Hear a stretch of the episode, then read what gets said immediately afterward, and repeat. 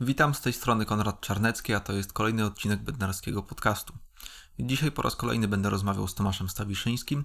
Jeżeli ktoś z Państwa nie widział jeszcze naszej poprzedniej rozmowy, to oczywiście e, bardzo serdecznie zapraszam do mm, nadrobienia tego. Nagranie dostępne jest na naszym kanale YouTube, a także na e, platformach e, streamingowych w formie, w formie audio. Mm, I oczywiście, jeżeli rozmowa Państwa zaciekawi, to mm, bardzo serdecznie zachęcam do zasubskrybowania naszego kanału YouTube, ponieważ wtedy będą Państwo otrzymywali powiadomienia y, o nowych y, nagraniach. Y, I przypominam również, że Bednarski Podcast dostępny jest w formie audio na platformie Spotify, iTunes i wielu innych. Wszystkie niezbędne linki są poniżej w opisie filmu. Zapraszam serdecznie na rozmowę pozwolisz, to ja bym zaczął od y, tematu, na którym skończyliśmy poprzednią rozmowę. Bo rozmawialiśmy tutaj o tym, jak y, reagujemy na y, bliskość i obecność śmierci teraz w tych trudnych czasach w otoczeniu i w naszej codzienności. I ty opowiadałeś tutaj o badaniach Amerykańskiego Towarzystwa Psychologicznego, które mm, wskazywały, no, wbrew temu, co dotychczas sądzono, że w obliczu właśnie takich e, kryzysowych e, zdarzeń może nie należy na to reagować od razu, tylko z jakimś jednak opóźnieniem i dać czas na ułożenie sobie tych, tych spraw. No i ja chciałbym, mm, żebyśmy może jeszcze poszukali jakichś, e, z, czym jeszcze ten, ten, ten temat właśnie śmierci i jej obecności tutaj w kulturze i, i w odniesieniu do tego, co się dzieje, można by było połączyć i jakoś spróbowali to jeszcze rozwinąć. Na co zwróciłbyś jeszcze uwagę? No, to, to te badania, o których mówiliśmy, to są badania, które tak w takim najbardziej ogólnym sensie pokazują po pierwsze, że jesteśmy bardziej odporni niż nam się wydawało. To znaczy, że wbrew takim intuicjom czy takim konsekwencjom wypływającym z pewnych założeń teoretycznych, głównie opartych na psychoanalizie, zdecydowanie mniej ludzi e, w skali e, takiej powszechnej wymaga specjalistycznej pomocy psychoterapeutycznej czy psychiatrycznej po doświadczeniach traumatycznych, no bo mniej więcej około 30% osób to są osoby, które spośród tej grupy, która doświadcza tego typu sytuacji, to są osoby, które potrzebują E, jakiegoś realnego e, medyczno-terapeutycznego wsparcia, ponieważ rozwija się u nich PTSD, czyli e, syndrom stresu pourazowego. Natomiast 70% osób, które właśnie tego typu sytuacje przechodzi, nie wymaga takiej pomocy, więc to jest w sumie dosyć dużo, 70% znaczna część e, społeczeństwa, znaczna część populacji wystawionej na takie czynniki nie będzie e, później wymagała e, specjalistycznej pomocy. Kiedyś sądzono, że właściwie każdy, kto przejdzie przez takie doświadczenie, tej pomocy wymaga. Był taki moment w historii dwudziestowiecznej zwłaszcza, kiedy mm, zaczęliśmy operować taką wizją e, człowieka jako istoty niezwykle kruchej i wrażliwej, e, u której najdrobniejsze e, sytuacje trudne mogą wywołać jakieś bardzo daleko idące konsekwencje. Myślę, że często dzisiaj znowu w ten sposób o człowieku myślimy.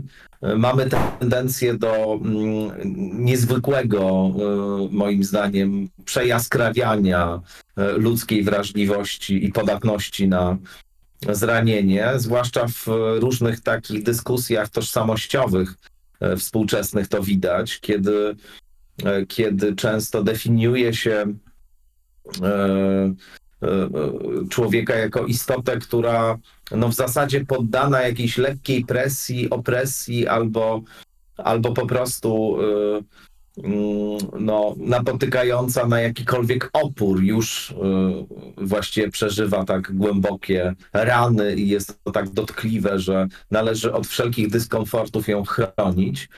Y, no ale z tych badań znowu do tego wracam, o których mówimy, ten obraz się rysuje zupełnie inaczej. Rysuje się obraz człowieka jako istoty jednak odpornej w dużym stopniu na rozmaite przeciwności i przypadłości losu. I ciekawym wątkiem w tym wszystkim, wydaje mi się, jest kasus Nowego Orleanu, miasta, które zostało niezwykle mocno dotknięte huraganem Katrina, który wprawdzie nie zniszczył jako taki miasta, bo huragan przeszedł w zasadzie jakoś tam w miarę, w miarę, mm, nie powiem, że delikatnie, ale nie czyniąc y, radykalnych szkód.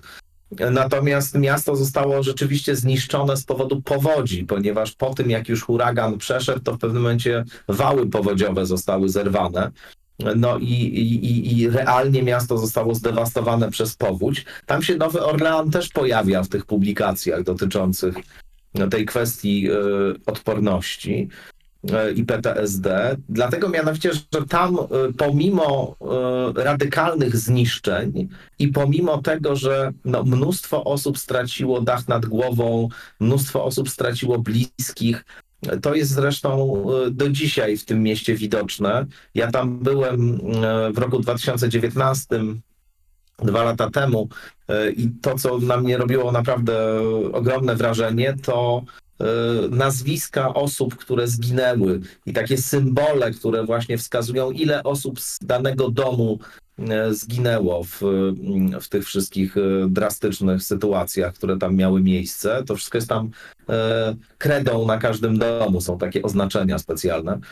No i miasto nadal jest zdewastowane, nadal widać ślady tej powodzi, bo to jest w ogromnym stopniu miasto zamieszkałe przez ludzi bardzo biednych.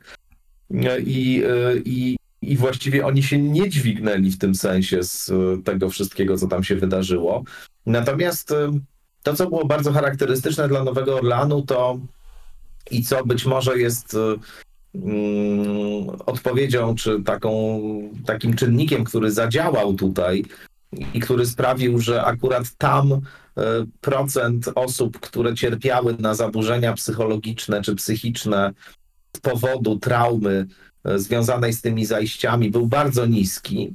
E, otóż tam ludzie mm, funkcjonują w takich bardzo zwartych wspólnotach i zarazem ta wspólnota sąsiedzka, wspólnota e, w, w obrębie społeczności miejskiej jest bardzo taka zwarta i tam ludzie wyszli na ulicę zaczęli wspólnie to miasto odbudowywać, pomagać sobie, rozmawiać na ten temat, ale w gronie, w gronie e, najbliższych.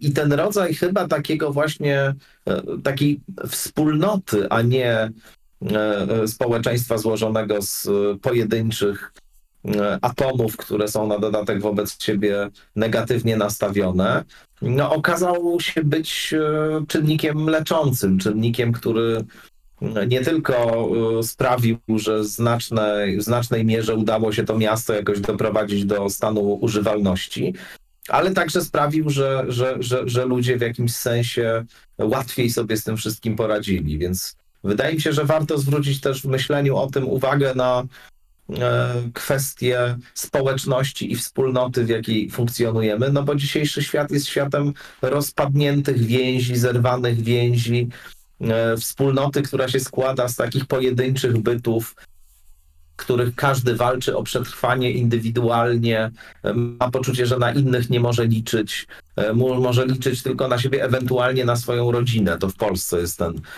ten, ten, ten kasus, że tutaj w zasadzie badania socjologiczne pokazują, że my ufamy tylko swojej rodzinie, nikomu, nikomu innemu. Więc myślę, że, że poczucie wspólnoty i głębokie więzi wewnątrz społeczeństwa, to jest coś niezwykle istotnego, co łagodzi trudne doświadczenia. Nawet katastrofy żywiołowe, nawet takie naprawdę bardzo, bardzo poważne sytuacje, w których giną ludzie i w których, e, w których wszystko, co stanowi taką materialną przestrzeń naszego funkcjonowania i zapewnia nam poczucie bezpieczeństwa, się rozpryskuje.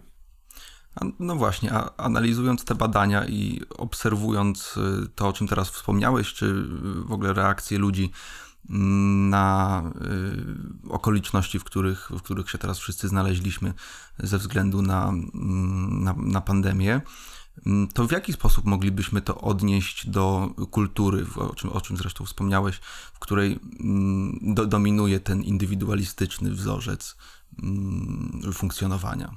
No myślę, że to, się, że to się ściśle ze sobą łączy. To znaczy, w momencie, kiedy system ekonomiczny zmusza nas do e, permanentnej walki o przetrwanie i kiedy e, no, mamy poczucie e, permanentnej konkurencji, to znaczy Mm, konieczności e, nieustannego rywalizowania z innymi o podstawowe dobra, o jakąś formę, nie wiem, pracy, zatrudnienia, które, która ma nam w ogóle gwarantować, że my będziemy mieli pieniądze na jedzenie, na mieszkanie i tak dalej. E, kiedy skądinąd jest tak, że e, sytuacja ekonomiczna jest bardzo niestabilna, żyjemy w poczuciu zagrożenia. E, mamy poczucie właśnie, że ani na instytucje państwowe specjalnie, ani na nic innego liczyć nie możemy, tylko ewentualnie na e, członków naszej rodziny, no to oddziałuje to w sposób bardzo destrukcyjny na nasze na nasz sposób funkcjonowania i na, nasz, na naszą psychologię. A w, a w momencie, kiedy towarzyszy temu jeszcze narracja, która e, nieustannie nas upewnia w tym, że to wszystko jest kwestią naszej indywidualnej zaradności, to znaczy okoliczność, że my się nie czujemy komfortowo w tym świecie albo nie mamy takich e, e, nie mamy takich, no nie, nie, nie, nie jesteśmy w tym miejscu w hierarchii społecznej, w, której, w którym byśmy chcieli być, albo w każdym razie nie jesteśmy w takim, który zapewnia nam choćby zaspokojenie zupełnie podstawowych potrzeb.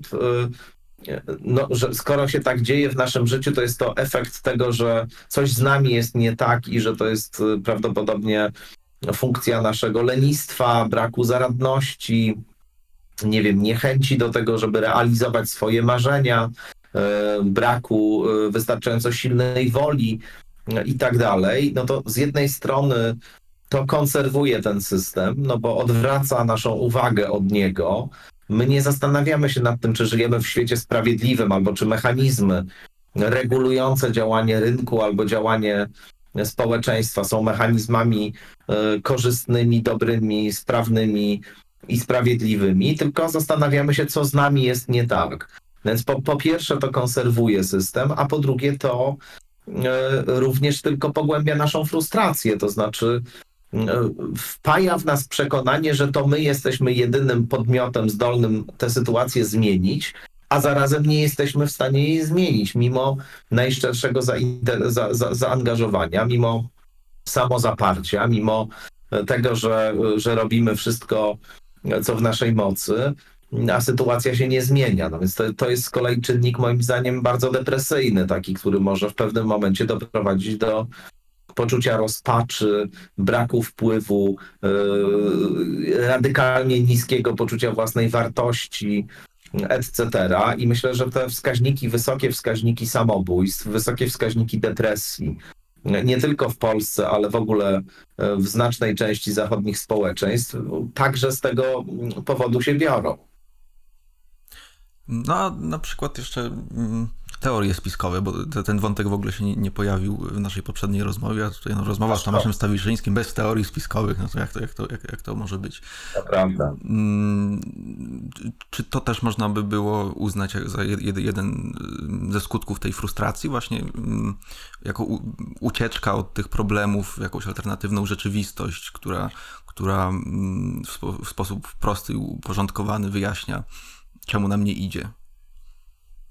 Wiesz, myślę w ogóle, że teorie spiskowe są takim, mm, takimi e, opowieściami, takimi mitologiami czy narracjami, które w elementarny sposób porządkują rzeczywistość i wprowadzają ład tam, gdzie panuje chaos, wprowadzają stabilność tam, gdzie panuje niestabilność. I nieprzypadkowo historia nowoczesnych teorii spiskowych, choć oczywiście moglibyśmy teorię, historię teorii spiskowych wywodzić jeszcze gdzieś głęboko ze starożytnej Grecji, od Heraklita, który w jednym ze swych fragmentów zachowanych powiada, że harmonia niewidzialna od widzialnej silniejsza. To tak tłumaczy Kazimierz Mrówka, to, ten fragment Heraklita.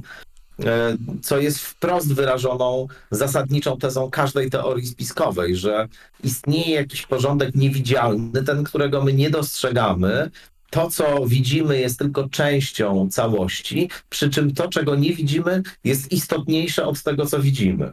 E, to, czego nie widzimy, zarządza tym, co widzimy, jest e, pierwotne względem niego e, i w tym sensie jest silniejsze także, że to, co widzimy, zależy od tego, czego nie widzimy. I to, i to jest absolutnie mm, teza każdej teorii spiskowej. Jeśli mielibyśmy w ogóle się pokusić o taki rodzaj no, strukturalnej definicji teorii spiskowej, która miałaby powiedzieć, co tam jest takiego niezbędnego, co konstytuuje myślenie spiskowe właśnie, no to z pewnością ta teza byłaby jedną e, z podstawowych tez. Ale nieprzypadkowo ta nowoczesna historia e, teorii spiskowych się zaczyna od rewolucji francuskiej. Wtedy się pojawiają pierwsze teorie spiskowe po tym, jak e, cały e, znany jakby model, czy, czy taka, taki szkielet rzeczywistości wali się w gruzy.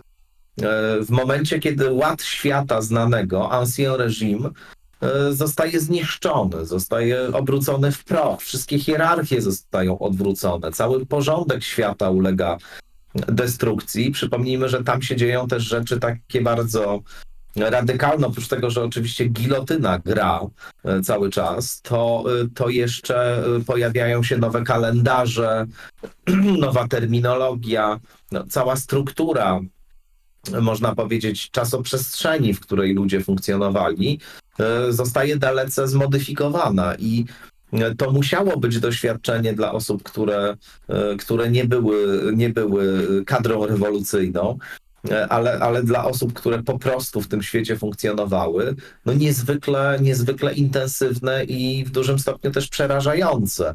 No i kiedy ten porządek znany świata się w jakiś sensie e, całkowicie za, zawalił, e, no to, no to trzeba było znaleźć jakieś opowieści, które w ogóle są w stanie coś takiego ująć i, i, i jakoś pomieścić, pozwalają to wszystko pomieścić, co się stało. Więc wtedy się pojawiają teorie spiskowe o jakichś tajnych stowarzyszeniach, które dążą do tego, żeby władzę nad światem przejąć i są niezwykle potężne. Tam się później pojawia zakon iluminatów, ten faktyczny zakon iluminatów. Mm, pierwszy, historyczny, który jest taką e, niewielką lożą poczciwych oświeceniowców, którym zależy na tym, żeby e, rozum e, i, i, i generalnie racjonalność zatriumfowała. No, a z tego się robi właśnie opowieść o jakichś niesamowitych tajnych zakonach, które później w XX wieku czy XXI wieku już przybierają zgoła nieludzkie zgoła nieludzkie kształty, bo przypomnijmy, że jedną z takich e, popularnych coraz bardziej teorii spiskowych jest teoria o e, reptilianach, czyli o zmiennokształtnych jaszczurach, które, e, które przybyły z kosmosu, z konstelacji Draco i stanowią elitę finansowo polityczną tego świata, mają zdolność zmiennokształtności, więc wyglądają tylko jak ludzie, ale w istocie tymi ludźmi właśnie wcale nie są. Ale, ale, ale i myślę znowu, że nieprzypadkowo y, w dzisiejszym świecie teorie spiskowe stały się tak bardzo popularne, no bo y, poniekąd żyjemy może nie w momencie historycznym w pełni analogicznym do rewolucji francuskiej, ale na pewno w takim, w którym y, najpierw ataki na World Trade Center, a później kryzys finansowy, to się tam dzieje na, dzieje na przestrzeni jednej dekady, no naprawdę wywróciły do góry nogami E, nasze poczucie bezpieczeństwa, e, naszą, e, nasze myślenie o przyszłości przede wszystkim.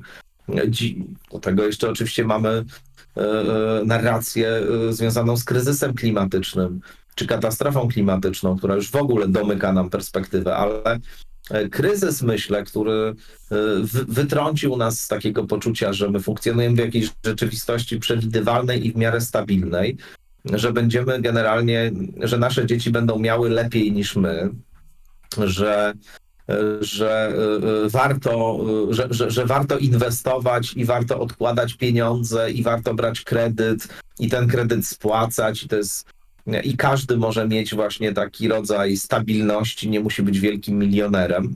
to się wszystko rozsypało. Dodatkowo okazało się, że ludzie, którzy mieli tę stabilność gwarantować, czyli elity finansowe, e, ci odpowiedzialni za funkcjonowanie rynków finansowych, e, ludzie o wysokich kompetencjach, wydawałoby się, w których pokładaliśmy nadzieję, że oni nam właśnie zabezpieczą te wszystkie kwestie, to są ludzie nieodpowiedzialni, którzy już to doprowadzili nas do tego, że czy rynki doprowadzili do załamania, już to w sposób cyniczny grali na spadkach i dorobili się e, majątków na tym, e, na kryzysie właśnie, bo takie przypadki też, też były.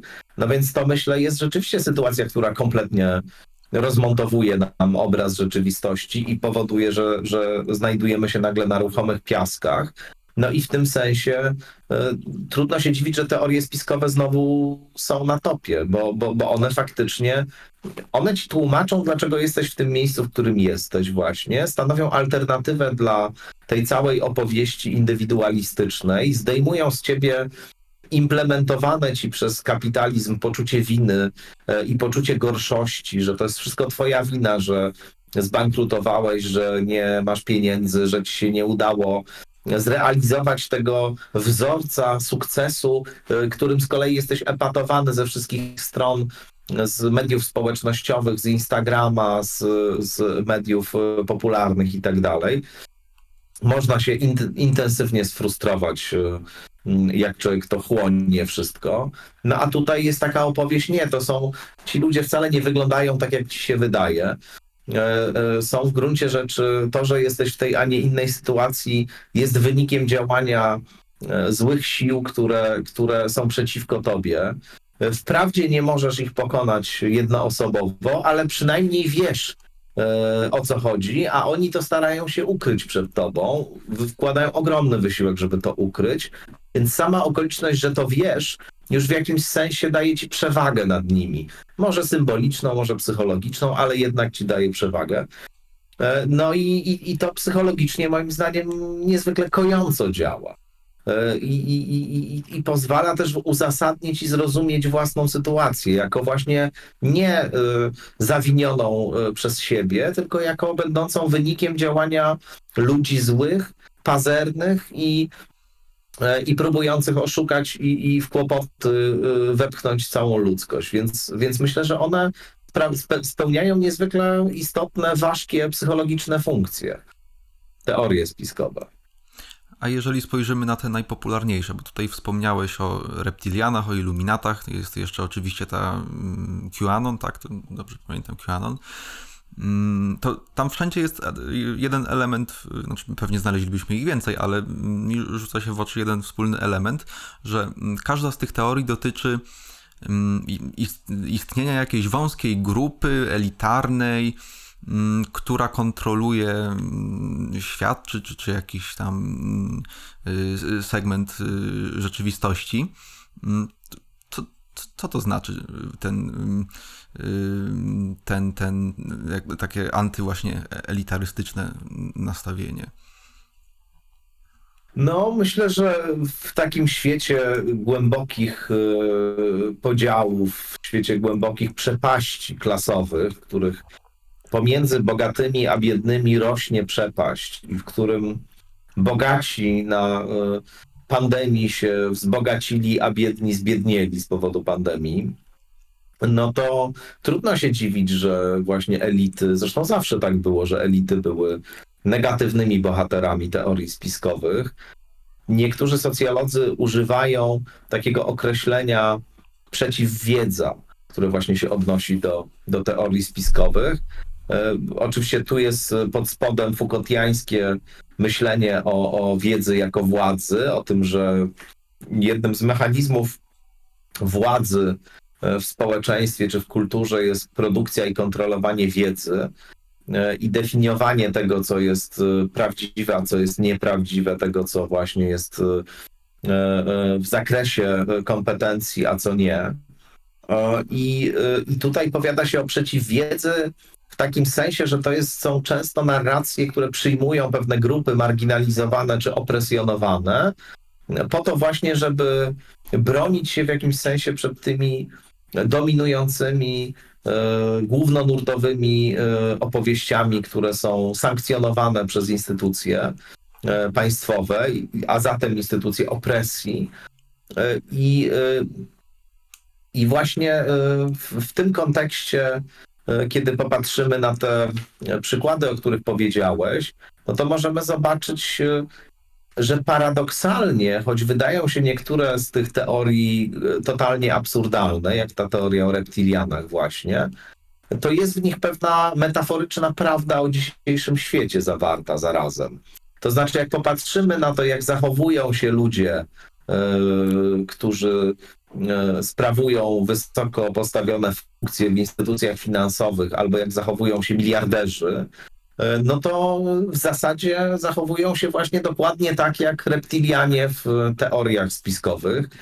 E, I można, patrząc na to z pewnej perspektywy, posądzić ich o pewną bezduszność, o właśnie w tym sensie nieludzkie cechy. Oczywiście e, to jest niebezpieczne bardzo, jeśli się to bierze dosłownie, jeśli się nie widzi tego metaforycznie, tylko jak, jeśli się traktuje tę wiedzę czy te teorię jako coś autentycznego i dosłownie prawdziwego, bo przypuszczam, że kwestią czasu jest tylko, e, kiedy jakiś przedstawiciel elit finansowych zostanie porwany i na przykład, e, i na przykład e, rozpoczną się jakieś działania mające na celu skłonienie go, żeby przybrał swoją autentyczną postać, czyli żeby zamienił się z powrotem w jaszczura. Już mamy do czynienia z takimi sytuacjami. Ci goście na Kapitolu, e, rogaty szaman niesamowity, e, który tam wtargnął. To jest też człowiek, który rzeczywiście realnie wierzył, że w budynku kongresu e, w podziemiach jest jakaś pedofilska siedziba pedofilskiej siatki, która E, która z pewnością więzi tam dzieci. Podobnie e, ta kobieta, która została zastrzelona w trakcie tych zajść, ona również miała takie przekonania i między innymi po to chciała wejść do budynku Kapitolu, żeby to sprawdzić. E, już mieliśmy niedawno też jakąś eksplozję w Stanach Zjednoczonych, wywołaną przez człowieka, który też był przekonany, że rządzą nami zmiennokształtne istoty tylko E, udające ludzi. Więc to jest wszystko też e, zarazem bardzo niestety niebezpieczne i bardzo, mm, bardzo takie e, przemocogenne. Dehumanizowanie części elit przez lud no, wydaje się też być zjawiskiem bardzo niebezpiecznym, na równi z Ale w drugą, w, w drugą stronę też to występowało bardzo długo. Tak, tak, no właśnie mówię, że, że, że na równi z demonizowaniem ludu przez elity. Natomiast Natomiast cóż, no, wydaje mi się, że to jest e, trend, który będzie postępował. To znaczy, e, z uwagi na e, chaotyczną sytuację polityczną, na kryzys ekonomiczny, na pandemię, na totalną ekspansję technologii informacyjnych, internetu, rzeczywistości wirtualnej, deepfake'u i tak dalej, że, że, że, że, że tego rodzaju teorie, tego rodzaju narracje będą się rozwijać, będziemy żyli w alternatywnych światach wkrótce. Jedni będą żyli w świecie, w którym elity to zmiennokształtne jaszczury, a inni będą żyli w takim świecie, w którym elity to tacy sami ludzie jak, jak my. No, tylko problem polega na tym oczywiście, że nasze przekonania w intensywny sposób wpływają na to, jak się zachowujemy. Że one są istotnym motorem naszego zachowania, co często jest niedoceniane, a co wydaje mi się jednak bardzo E, ważne i, i, i w tym sensie e, może to doprowadzić do drastycznych konsekwencji, mam wrażenie. W kontekście tego, o czym teraz mówiłeś, to chciałbym Cię jeszcze zapytać o, mm, można by powiedzieć, kondycję podmiotowości człowieka w odniesieniu do dzisiejszej kultury i w ogóle współczesności. I to oczywiście łączy się też e, z unikaniem tematu śmierci, o czym rozmawialiśmy już wcześniej. Mm, więc, więc tym bardziej to jest właśnie pytanie o, o tym, w jakim stanie jest dzisiaj podmiotowość człowieka i w ogóle y, jaką wartość przypisujemy człowiekowi i, i przede wszystkim jego życiu. Przypomina mi się w tym kontekście y, to, co powiedział jakoś chyba pod koniec kwietnia zeszłego roku Michel Welbeck, y, który z pewną bezkompromisowością cechującą jego sposób myślenia i mówienia, powiedział, że ten wirus w jakimś sensie działa jak taki czynnik, który tylko uwyraźnia pewne składowe późnej nowoczesności, które, o których już od dawna wiemy, że istnieją i on je tylko niejako, no właśnie, kondensuje i powoduje, że stają się jeszcze bardziej wyraźne. Ja z kolei pisałem o, o koronawirusie jako serum prawdy i to, i to w zasadzie jest coś podobnego. No, otóż no, w odniesieniu do śmierci właśnie i takiego, takiej anonimowości śmierci, y, Welbeck powiedział, że Mm, no, mamy ten trend opisywany przez Filipa Ariesa e, od e, początku XX wieku mniej więcej, e, nabierający rozpędu w drugiej połowie XX wieku zwłaszcza, takiej anonimizacji śmierci właśnie, chowania jej za parawany szpitalne, udawania, że jej nie ma, o tym już, o tym już mówiliśmy. I, tu, I tutaj coś takiego się dzieje właśnie, bardzo, do, bardzo tak, w taki sposób bardzo intensywny i bardzo wyraźny. No bo rzeczywiście w momencie, kiedy te fale zachorowań były takie najintensywniejsze w Stanach Zjednoczonych, we Włoszech, Hiszpanii, to są te kraje, które y, dotknięte zostały najbardziej e, koronawirusem, no to te śmierci E, były masowe i też masowe były często groby, w których tam e, ludzi chowano. Momentalnie ich kremowano i momentalnie organizowano takie zbiorowe pogrzeby. E, I to, że bliscy nie mieli dostępu żadnego do, do, do, do tych ludzi, do tych ciał, nie mogli w zasadzie uczestniczyć w żadnym pogrzebie nawet najbliższej swojej osoby. I to, I to rzeczywiście pokazuje jakiś rodzaj takiego E, upiornego e, chyba procesu e, desensytyzacji, czyli takiego uniewrażliwiania się na, na kruchość i śmiertelność i, i, i właśnie takiego powiedziałbym upiornego działania machiny, która to wszystko obsługuje sprawnie, mieli i, i, i idzie dalej. I ten rodzaj sytuacji, w której się znaleźliśmy chyba w związku właśnie z koronawirusem, no jest czymś, co, co być może zadziała jako jeszcze intensywniejsza, jeszcze intensywniejszy psychologiczny czynnik, który właśnie nas na śmierć będzie paradoksalnie zobojętniał. Wiesz, naj, najbardziej drastyczne chyba statystyki, jakie znam dotyczące mm, koronawirusa, to są statystyki z domów opieki e, w całej Europie. Tam ponad 50% e, tych osób, które, e, które w ogóle zmarły z powodu koronawirusa, to są pensjonariuszki i pensjonariusze domów nomen omen spokojnej starości, mm, różnych zakładów dla, dla, dla osób starszych i schorowanych. Ukazał się taki raport Amnesty International brytyjskiego pod tytułem As If Expendables, który dotyczy właśnie tego, co działo się w domach opieki w Wielkiej Brytanii. Ile która tego raportuje, że włosy na głowie. On w ogóle jakoś nie jest dyskutowany, nic się o nim nie mówi. Nie słyszałem żadnej rozmowy na ten temat jeszcze. Dużo jest takich raportów. No dużo jest takich raportów, absolutnie, to nie jest jedyny. Natomiast to, co tam rzeczywiście jest e, zawarte, no pokazuje jakiś totalny kryzys w tej kulturze, mam wrażenie.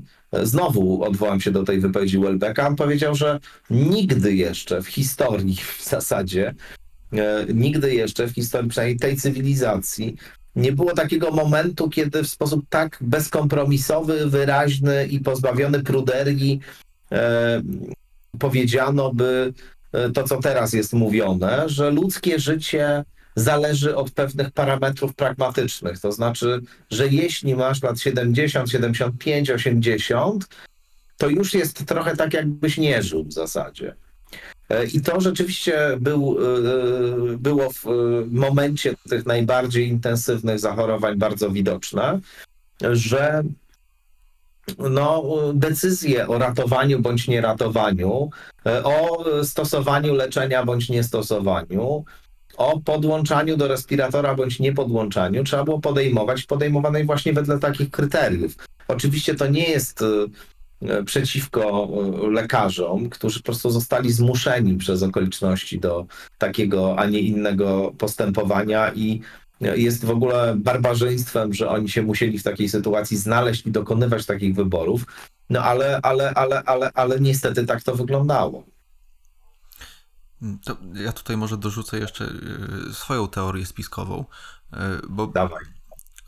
A może też jedną z przyczyn mm, tego, no, dlaczego właśnie nie chcemy mm, rozmawiać o, mm, o, o, tym dramacie, który się wydarzył, jest to, że wszyscy w jakiś sposób jesteśmy za to odpowiedzialni y, jako społeczeństwo, bo wybraliśmy takie, a nie inne władze, bo tacy, a nie inni ludzie rządzą i podejmują decyzje, żeby przeznaczyć więcej pieniędzy na coś, a nie na przykład na służbę zdrowia i edukację. Mm. No i dlatego też y, nie poradziliśmy sobie z, z, tym, z tym problemem tak, jak moglibyśmy. Bardzo możliwe, tak. No to, to, to niewątpliwie, niewątpliwie tak jest. Oczywiście nikt sobie z tym nie poradził, trzeba też powiedzieć, że w zasadzie nie ma państwa, które by sobie poradziło. Chyba najlepiej sobie Izrael poradził, y, jak do tej pory. Natomiast, natomiast y, jeżeli chodzi o to, co tam się działo w Stanach Zjednoczonych, no właśnie we Włoszech, Hiszpanii, y, no to no, Niemcy też całkiem nie najgorzej sobie chyba poradzili z tym wszystkim. Natomiast to rzeczywiście był taki, była taka sytuacja jednak niezwykle zaskakująca dla wszystkich i, i, i na początku w ogóle nie wiedziano, co robić, jak robić, y, jakie działania są zasadne, jakie są niezasadne myślę, że ten początek pandemii to był taki amok trochę, w którym wszyscy się próbowali w ogóle zorientować o co chodzi, jak to wszystko działa, z różnym skutkiem, rzecz jasna. Natomiast, natomiast oczywiście, y, no, już kwestia powiedzmy drugiej fali, to znaczy tego, co się działo po wakacjach, y, kiedy było wiadomo, że przyjdzie ta druga fala, a zarazem no nie przygotowywano się do tego w sposób e, wystarczający, to oczywiście jest też e, e, to oczywiście jest też znaczące i to pokazuje pewien poziom odrealnienia mm, elit politycznych, ale myślę, że odrealnione jest niestety też w dużym stopniu nasze społeczeństwo, że, że ludzie w ogóle od pewnego momentu zaczęli mieć przekonanie, że to jest wszystko jakaś fikcja, że to się nie dzieje naprawdę, E, to zwłaszcza w pierwszej fazie było, było, było widoczne. Później przyszła ta druga faza, ona była trochę bardziej intensywna i tam już e, dużo mm, osób zachorowało, więc potencjalnie znaczna część z nas miała kogoś w rodzinie, kto chorował, a też i kogoś, kto umarł. Natomiast od pewnego momentu rzeczywiście znowu teraz, niedawno zaczął się taki, takie, takie ogólne rozprężenie i takie poczucie, że E, obostrzenia sobie, a my, a my sobie. To, co się tam w tym zakopanym nieszczęsny, nieszczęsnym działo, e, to było bardzo, bardzo symptomatyczne, a też słyszałem od wielu osób, które gdzieś tam w okolicy bywały, że, że no naprawdę e, jak się pojedzie w Polskę, to, to i się pójdzie do tych różnych hoteli, jakichś knajp i tak, znaczy knajp nie, ale hoteli, jakichś takich miejsc, gdzie ludzie się zbierają, to, to naprawdę nikt y, za bardzo nie przejmuje się tymi wszystkimi rzeczami. No i mamy dzięki temu też y, trzecią, w najlepsze rozwijającą się fazę pandemii teraz, z dodatkowym szczepem, jeszcze bardziej zjadliwym, bardziej zakaźnym. I, i, I niestety wydaje mi się, że w dużym stopniu to się bierze też z takich zachowań zbiorowych, które, które są nieodpowiedzialne i które są po prostu e, no, potencjalnie dramatyczne w skutkach. My tutaj rozmawiając bardzo ocieramy się o psychologię, nawet psychiatrię, a ja trafiłem na informację, że ty, rozprawa, twoja rozprawa doktorska, nad którą y, pracujesz, jest właśnie poświęcona filozoficznemu rozumieniu zaburzeń psychicznych. I to wydaje mi się, zwłaszcza dzisiaj, bardzo adekwatne podejście, czyli takie łączenie Mm, antropologii, filozofii, socjologii właśnie z psychologią i czy może nawet psychoanalizą. Czy mógłbyś trochę o tym opowiedzieć właśnie, na czym to polega? to jest taki projekt, który, który, nad którym to ja, wiesz, pracuję już od dawna i, i z uwagi na liczne e, zobowiązania i konieczności życiowe e, e, w zasadzie skończyłem studia doktoranckie, ale tego doktoratu nie napisałem do dzisiaj. Może, może go kiedyś napiszę jeszcze, zobaczymy. Natomiast tak, to jest coś takiego, co mnie bardzo interesowało przez, przez lata, czym się, czym się bardzo intensywnie zajmowałem. Poniekąd się dalej zajmuję tym, co piszę, w tym, co, co robię. Bo mam wrażenie, że psychologia, psychoterapia, zwłaszcza te, te, psychoterapia raczej, mniej współczesna akademicka psychologia, bardziej tradycja psychoterapeutyczna, psychiatria w jakimś stopniu też, to, to jest trochę taka filozofia stosowana, to znaczy to jest taka przestrzeń, w którym się bardzo wiele e, rzeczy spotyka ze sobą. Z jednej strony e, stricte biologiczna wiedza o funkcjonowaniu ludzkiego organizmu, z drugiej strony aksjologia, system wartości w danym społeczeństwie czy w danej kulturze obecny, z trzeciej strony pewne przekonania, które się ma dotyczące rzeczywistości, tego, co jest y, autentyczne i nieautentyczne, tego, co jest rzeczywiste i co nierzeczywiste, tego, co w jakimś sensie zbiorowo aprobowane i uznawane za składową powszechnego obrazu świata i tego, co nie mieści się w tym powszechnym obrazie świata. Kolejną składową tego e, jest, e, jest pewien zespół norm, to znaczy przekonań dotyczących tego, jak powinno się zachowywać, jakie zachowanie jest e, normalne, a jakie jest nienormalne. Znowu, medycyna jest kolejnym elementem z tą całą siatką normatywności przeniesioną z rzeczywistości biologicznej, gdzie się łatwo stwierdza patologiczny stan i, i, i, i, i ta diagnostyka no, opiera się na konkrecie, przeniesienie tego do sfery przekonań, doświadczenia subiektywnego, myśli, wizji świata, relacji z innymi. No, to jest niezwykle, niezwykle bogate i fascynujące e, środowisko ideowe.